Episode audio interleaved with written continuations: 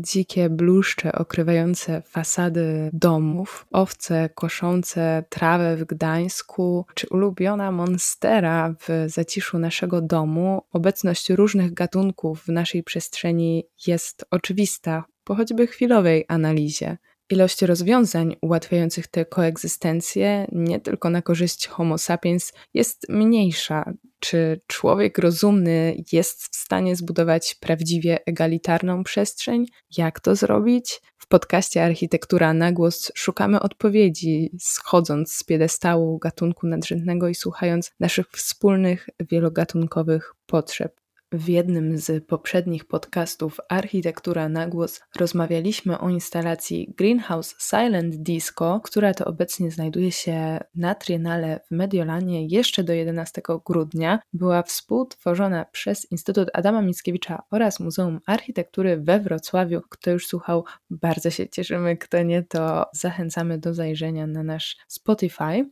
Konsultacje botaniczne do tej wystawy były prowadzone z Urszulą Zajączkowską, z którą mam dzisiaj przyjemność rozmawiać. Witam się z Wami, ja, Gosia Rybak. Zaczynamy. Architektura na głos. Dzisiaj moją gościnią jest doktor habilitowana profesor SGGW Urszula Zajączkowska, poetka, botaniczka, artystka wizualna, flecistka. Dzień dobry. Dzień dobry. Pracujesz w Szkole Głównej Gospodarstwa Wiejskiego w Warszawie, ale jesteś również e, poetką, eseistką. Chciałam się zapytać, jak e, łączysz bycie naukowczynią i artystką? Dla mnie po prostu łączenie tych różnych języków jest, y, jest najbardziej naturalną drogą. Każdy z tych języków wydaje się mi być y, niezbyt doskonały, niepełny. I po prostu dlatego w ten sposób funkcjonuje. Jest to trudne, bo to oznacza niemal permanentne myślenie, permanentne działanie, przeskakiwanie z różnych dróg, a też konfrontacje z, z innymi ludźmi. Na przykład niekoniecznie naukowcom może się podobać moja eseistyka przyrodnicza, bo uważam, że prostu powinnam pisać językiem stricte naukowym, a ja nie mam ochoty tylko tak pisać językiem stricte naukowym. Piszę prace badawcze, więc y, te, te poszukiwania właśnie ekspresji w różnych językach jest dla mnie y, niezwykle ważnym. Myślę, że to jest bardzo ciekawe i pozwala też dotrzeć do znacznie innych odbiorców. Jednak y, czasami ten naukowy sposób wypowiedzi sprawia, że niektórzy czują się jednak wykluczeni i nie angażują się tak bardzo w pewne tematy. Mhm. Ja bym dodała a propos właśnie tego języka naukowego, mm, jej, jego prostoty z jednej strony, a z drugiej strony wielkiej pułapce, z której ciężko jest wyjść, bo y, to jest fenomenalne narzędzie do manipulowania ludźmi.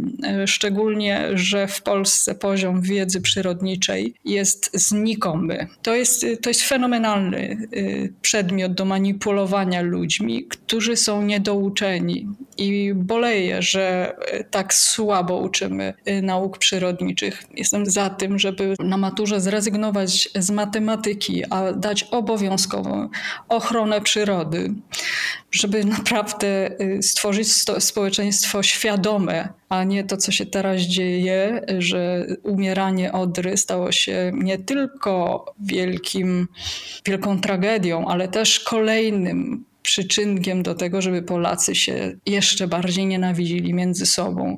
Gdybyśmy operowali faktami, gdybyśmy operowali badaniami, gdybyśmy wierzyli nauko, nauce, inaczej by dyskusja trwała i inaczej by wyglądałaby, inne pytania ludzie by zadawali. Teraz jest straszna awantura dookoła, tak jakby nie wiedzieli ludzie, że przez 30-40 lat tak żeśmy traktowali w Polsce rzeki. To, to jest ogromna szkoda i mnie osobiście, e, ja kocham Odrę, jakby wychowywałam się dosłownie zawsze 5 minut i jak tylko dowiedziałam się o, o tej całej sytuacji, to po prostu nie mogłam uwierzyć, że pomyśleliśmy nawet, że możemy w ten sposób postępować i jak najbardziej chciałabym, żeby zwłaszcza teraz, kiedy jednak powinny zmienić się te priorytety, powinniśmy zwracać bardziej uwagę na tą edukację o zrównoważonej gospodarowaniu różnymi zasobami i przyrodą przede wszystkim. No jeśli chodzi o takie trudne wypowiedzi, trudne słowa, to przejdę trochę do, do głównego wątku dzisiejszej rozmowy, czyli architektury nieantropocentrycznej. Czym właśnie jest ten nieantropocentryzm? Myślę, że jest to bardzo trudne zadanie dla ludzi e, zrezygnować z siebie, dlatego że my nie mamy nikogo innego jak siebie. Jak każdy organizm na świecie, każdy gatunek, to siebie stawiamy w centrum. Nie inaczej myśli słoń i nie inaczej zachowuje się tużyca jakaś. Ona dba o siebie. I nawet jeśli wchodzi w interakcję z innymi gatunkami, to po to, żeby sobie pomóc. Więc w jakimś sensie można powiedzieć, że nieantropocentryczne myślenie jest fałszywe y, i się nigdy nie uda. Natomiast tu raczej chodzi o to, żeby wreszcie mówić też o innych. Czyli wracając do idei miast, żeby w miastach było więcej miejsca dla innych. Bo trzeba pomyśleć też o tym szerzej. Jest tam przepływ rozmaitych energii, wszystko to dąży do jakiegoś, powiedzmy, układu dość stabilnego, chociaż on nigdy takim nie będzie.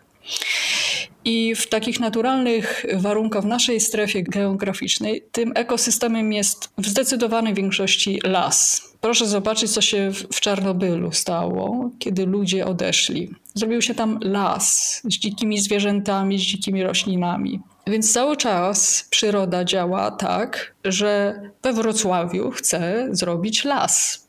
I to, co ludzie robią w miastach, jest to gigantyczna przemoc na przyrodzie. Tylko, że to nie wygląda tak strasznie jak rębnia, z której mamy drewno, z której zaraz sadzimy nowe drzewa, tylko to wygląda po cichu. Znaczy setki, miliony organizmów ciągle wycinamy, wydeptujemy, zasuszamy rozmaitymi związkami chemicznymi, mówię tu o glonach, czyścimy te mury, podkaszamy, E, wprowadzamy obce gatunki, nie pozwalamy tym tak zwanym chwastom się rozrastać. A to wszystko jest preludium lasu.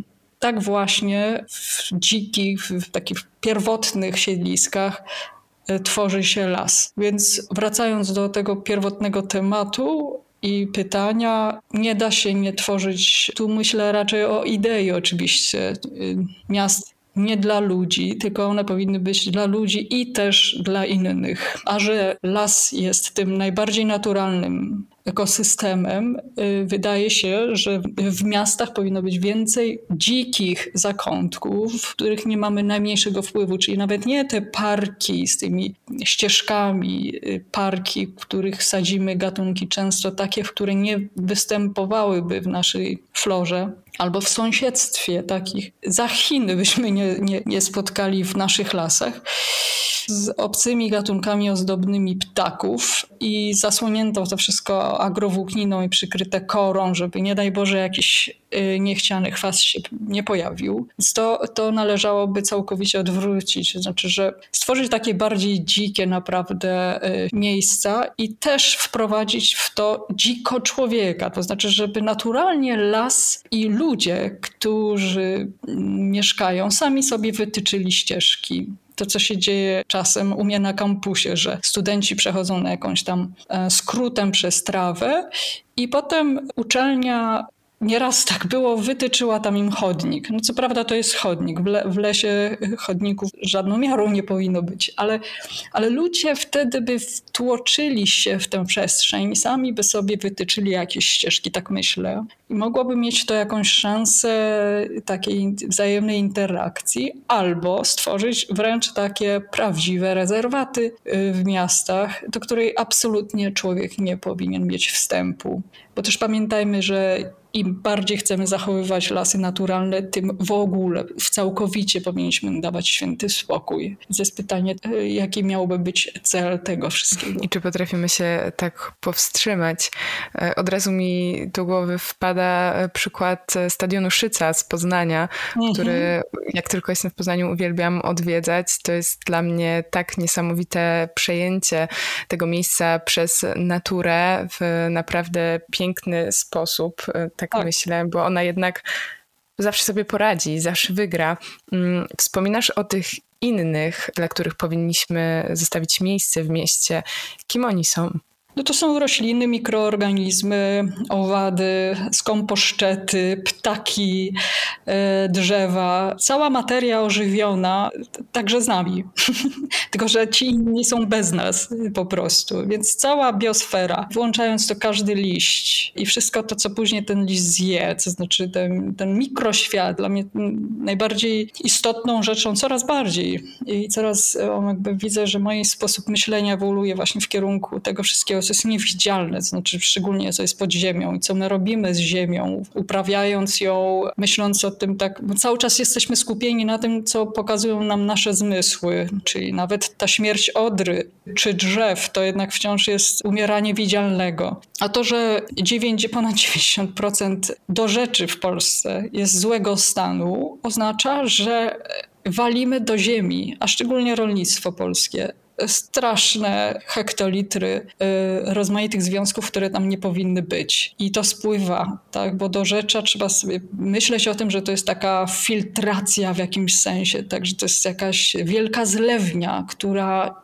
pociąga wszystko do Bałtyku drobnymi właśnie żyłkami rzek, aż do większych, aż do Wisły, Odry, Warty. I to, co, co, się dzieje z mikroświatem w tym czasie, który odpowiada za tworzenie bardzo, znaczy nie za tworzenie, za rozkład materii i tworzenia takiej warstewki w ziemi, która jest w jakimś sensie odpowiedzialna za odporność organizmów. To trochę przypomina mi to, taka analogia jest może odległa, ale jednak jest, dotycząca antybiotykoterapii człowieka czy zwierząt i co się później dzieje z naszymi jelitami, z naszym sposobem trawienia, w ogóle jakimś takim funkcjonowaniem. Już wiadomo, że bakterie e, są odpowiedzialne nie tylko za, za stan e, odpornościowy, ale też za poziom psychiki że ludzie popadają w depresję też między innymi dlatego, że się beznadziejnie odżywiają, że mają zaburzone tą florę bakteryjną, jak to się mówi.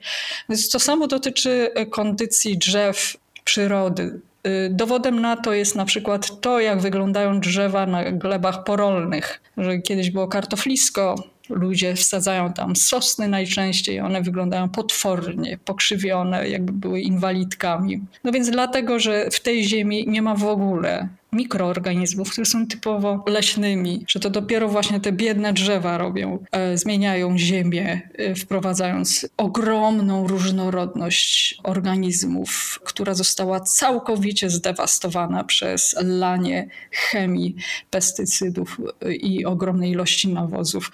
A po co? Po to, żeby było tanie jedzenie. Po prostu, żeby właśnie tak.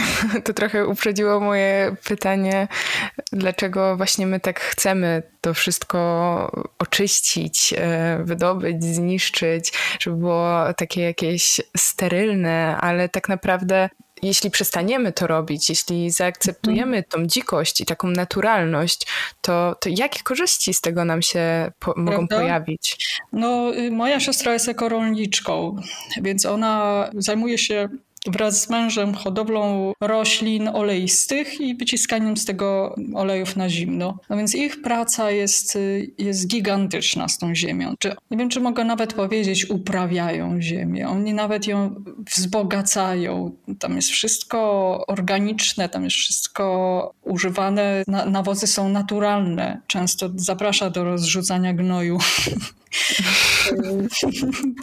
Ta cała praca jest, jest y, przeogromna i po zbiorach y, tam zostają resztki roślin, tak, i zaraz już znowu nawozy. Ale oczywiście mają dotacje z Unii Europejskiej, z tym, że uważam, że po prostu tu jest ten klucz. Gdyby rolnictwo przede wszystkim ekologiczne, ekologiczne rolnictwo było dofinansowywane, nagle by się okazało, że rolnicy naprawdę potrafią w ten sposób uprawiać ziemię, ale ta tak nie jest. Niestety lobby wielkoobszarowych, wielkich hodowli zwierząt e, jest tak silne i lobby bardzo, bardzo nieświadomego e, rynku ludzi, konsumentów, którzy wolą płacić powiedzmy, nie wiem, złotówkę czy dwa złote taniej za ziemniaki, za kilogram ziemniaków, ale faszerować się glifosatem, to jednak jest y, trudne. I podejrzewam, że gdyby te dotacje dla rolnictwa ekologicznego były większe, to i pożywienie dla człowieka nie musiałoby być wcale tak strasznie drogie jak jest wtedy, kiedy jest po prostu mała podaż. Zastanawia mnie, czy ten problem dofinansowań, w sumie problem systemowy, czy on odnosi się do jakby skali państwa, czy właśnie skali Europy, a jeśli są państwa, które systemowo sobie radzą z tym lepiej, z których warto brać przykład, to jakie to są i jak to robią? Mhm. Myślę, że tutaj źródłem tego wszystkiego jest po prostu przeszłość nasza, komuna, która zniszczyła lokalne, lokalność bardzo mocno. Zupełnie inaczej funkcjonuje na przykład rolnictwo francuskie, które opiera się na dumie z tego, że w danej wiosce tylko tworzy się zupełnie inne sery, a gdzieś indziej są zupełnie inne odmiany pomidorów, jab jabłoni itd., tak itd. Tak no, więc u nas nawet stare odmiany jabłoni zostały, prawda, poniszczone. Rarytasem jest teraz krąselkę znaleźć, ale to się powoli odradza. Znaczy ludzie w Polsce coraz bardziej są dumni z tego, skąd pochodzą i co można jakby z przeszłości wyciągnąć, co jest, co jest naszą wyjątkowością. Więc to jest myślę, że ten kierunek, to znaczy, żeby właśnie namawiać człowieka do tego, aby, aby pomagać takim ludziom, szczególnie, którzy nie tylko dbają o środowisko, ale też o dziedzictwo kulturowe, więc to się, mam wrażenie, powolutku odradza, nawet tworzą się nowe, jakieś, nie wiem, nowe miody, nowe sery, serowarstwo tak bardzo teraz się pojawia, y, nawet winiarstwo. I też ludzie zauważają, że jeśli krowa nie je łąki, to ta jakość, y, a paszę tylko jakąś, prawda, to, to to mleko inaczej smakuje i te sery są inne i tak dalej, i tak dalej. Więc ym, myślę, że może, może to zejście z poziomu, z poziomu makro w mikro społeczeństwa i mogłoby być y, jakąś, jakąś pomocą. Ale niestety cały czas rozszerzamy te wielkoobszarowe gospodarstwa no niestety y, działają na rzecz tego, że rzeczywiście jest to gigantyczna praca rolników, ale też y, wielka orka, można powiedzieć, na środowisku, po to, żeby pożywienie było tanie. To jest bardzo interesujące, zwłaszcza patrząc na to, jak duże obszary tak naprawdę e, rolne, wiejskie mamy w Polsce. To jest zasadnicza, zdecydowana większość, co pokazywał e, na przykład e, wystawa w Biennale Architektury ubiegłoroczna wracając może do tej e, skali miasta, w jaki sposób moglibyśmy kultywować właśnie rośliny, czy wprowadzać taką dzikość w mieście? W takich tkankach już powiedzmy, które sobie zawłaszczyliśmy i oczyściliśmy dla siebie. No myślę, że pierwszą rzeczą to jest e, zastanowienie się, czego potrzebują rośliny, żeby się pojawiły. Więc potrzebują dobrej ziemi i potrzebują wody. Więc wystarczy odbetonować place i naprawdę zostawić je, e, zasadzić te gatunki, które rosłyby wtedy, kiedy byłby tam las. I już. Wtedy same ptaki się zaproszą, nie będziemy musieli niczego robić, one się będą mogły przewrócić, ale to przecież jest stworzyć takie mikrorezerwaty. Ja wiem, że to może brzmieć utopijnie w momencie, kiedy ludzie boją się spadającej małej gałązki przy wietrze albo mówią, że morwa brudzi im chodnik, zamiast cieszyć się, że, że ptaki i sami ludzie mogą się tym żywić. Więc, więc po prostu y, odejść od tej nachalnej kontroli przestrzeni, stworzyć taką jakby niszę, taką oazę dla roślin, odkazić to w jakimś sensie, bo tam jest na pewno bardzo dużo rozmaitych zanieczyszczeń. No i też pomyśleć o tych instalacjach wszystkich, które są pod ziemią, bo trudno jest znaleźć w mieście przestrzeń, która, w której pod ziemią jest parę metrów ziemi, a nie, a nie rury czy kable. No więc tego typu forma, czyli ukłon, zaproszenie przyrody do nas, i danie jej świętego spokoju na tyle, ile potrafimy. I znaleźć y, taką narrację w uczeniu architektury czy piękna, że to niekontrolowane, to naturalnie zżółkłe jesienią.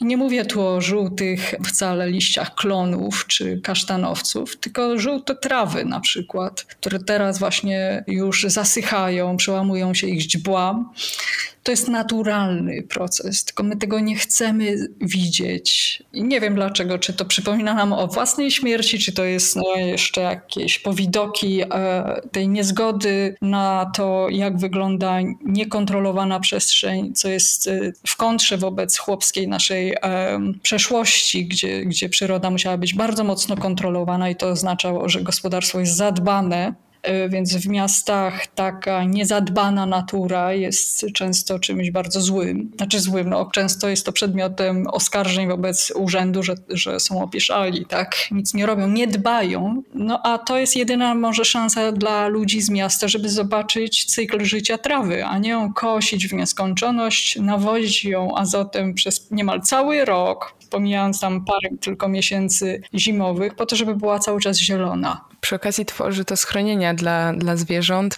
tak. ale też e, zacienia trochę te, te place, te przestrzenie, które zwłaszcza teraz tak bardzo się nagrzewają. Tak, i tutaj też bym była, y, też bym chciała, żeby ludzie wreszcie zmienili narrację, żeby nie mówili, że drzewa są im potrzebne w miastach, bo im zacieniają chodniki, tylko że co my możemy zrobić dla drzew, żeby tak źle im nie było, bo, bo w miastach drzewom jest naprawdę źle i, i od tego trzeba zacząć. Ludzie płaczą, e, nie wiem, widząc y, ścięte drzewo w lesie, natomiast nie widzą w jakich okropnych warunkach przez cały czas rośnie drzewo obok nich w mieście. To jest katastrofa. Jak się bada przyrosty w pniu, no to to jest widać, że albo fotosyntezę, y, widać, że drzewa w miastach, szczególnie polskich, ponieważ ze względu na zanieczyszczenie powietrza, żyje im się beznadziejnie. I to trzeba powiedzieć jasno, beznadziejnie. One cały czas, jeśli bym antropomorfizowała, bardzo cierpią korzenie potrafią się rozprzestrzeniać naprawdę nawet na kilkaset metrów kwadratowych. I, i wyobraźmy sobie, że rośnie drzewo i ma ten, małe kółeczko wokół pnia na deszczówkę, a tak naprawdę te korzenie szukają wszędzie wody dookoła. I czasem ją znajdują, czasem nie. Ale gorsze jest to, że w latem, latem kiedy chodnik się nagrzewa, beton się nagrzewa, i wtedy kiedy my odpoczywamy i pijemy pod parasolką Prosecco, to drzewa przeżywają wtedy bardzo gigantyczny szok termiczny, ponieważ wtedy, kiedy słońce zachodzi, to zwykle jest tak w przyrodzie, że Ziemia się ochładza.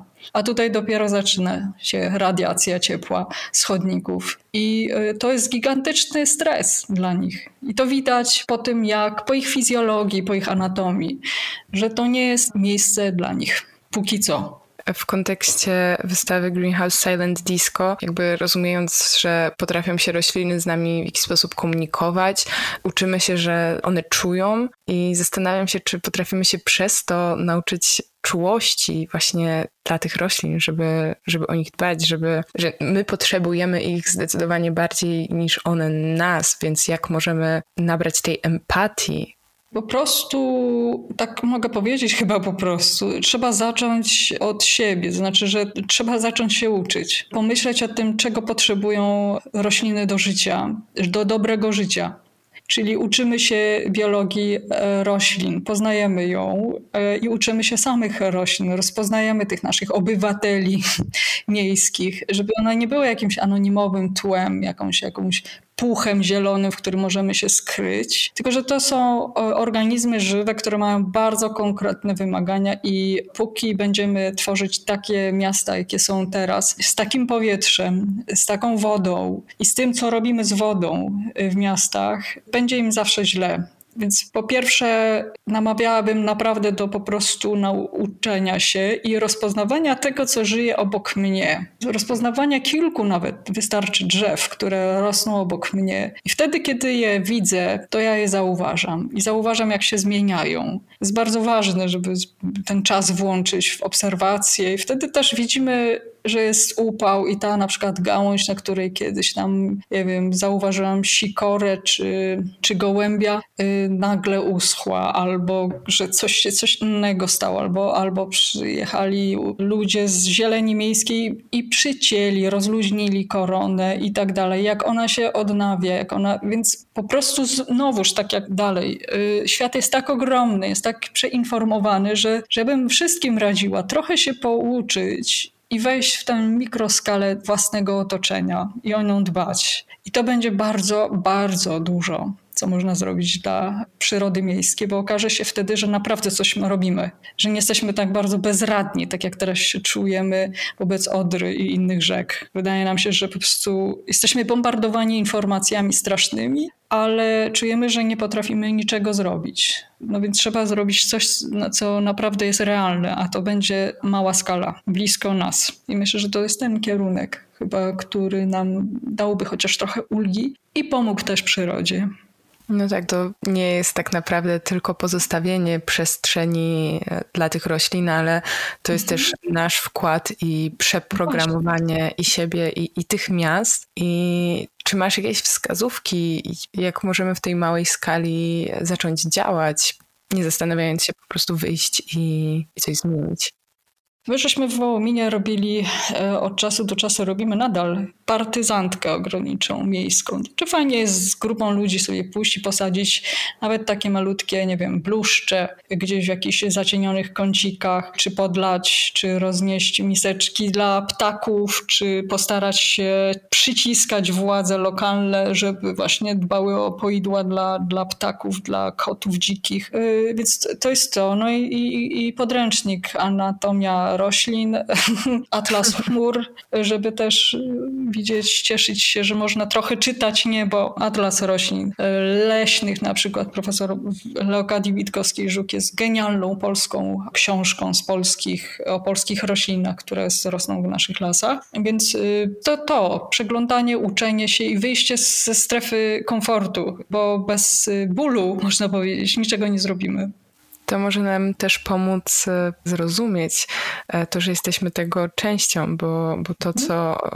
czytałam z Twoich wypowiedzi, to też to, że, że my się tak odgradzamy, jakbyśmy byli my i, i natura.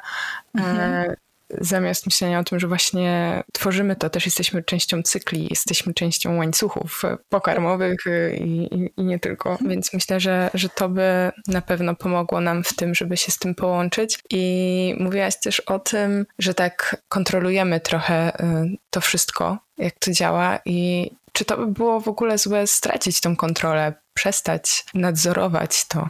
Wszystko zależy od tego, o jakiej przestrzeni mówimy. Ważny jest no, zdrowy rozsądek. Przecież na przykład rolnictwo ekologiczne, czy w ogóle rolnictwo, no to jest gigantyczna kontrola przyrody.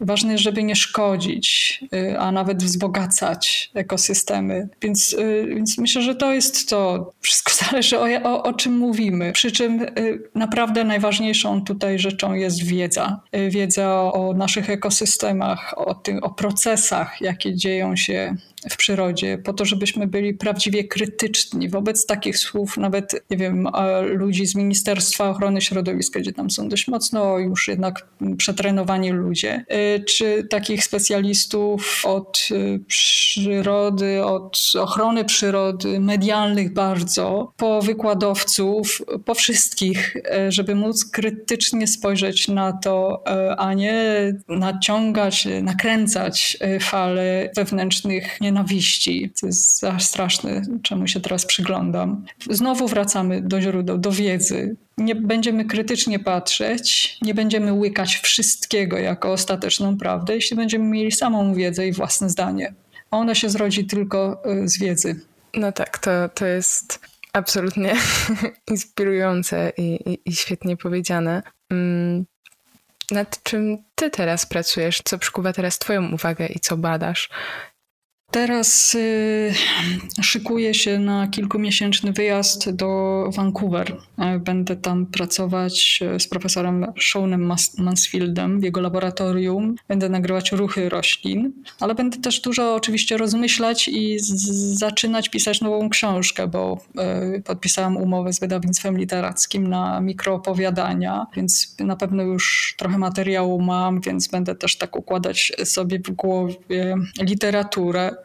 I na razie tyle z tych najważniejszych rzeczy, poza dydaktyką i doktorantami, poza e, twórczością taką czysto artystyczną, poetycką. To są moje najbliższe plany. To jest niesamowicie motywujące, jak, e, jak pani to łączy w, w, w dobie. Mhm. Wszystko. Bardzo dziękuję za rozmowę. Ja też dziękuję za zainteresowanie i bardzo fajne, ciekawe pytania. To był podcast Architektura na głos, tworzony przez Architektury we Wrocławiu oraz Akademickie Radio Luz. Dziękujemy, że byliście z nami.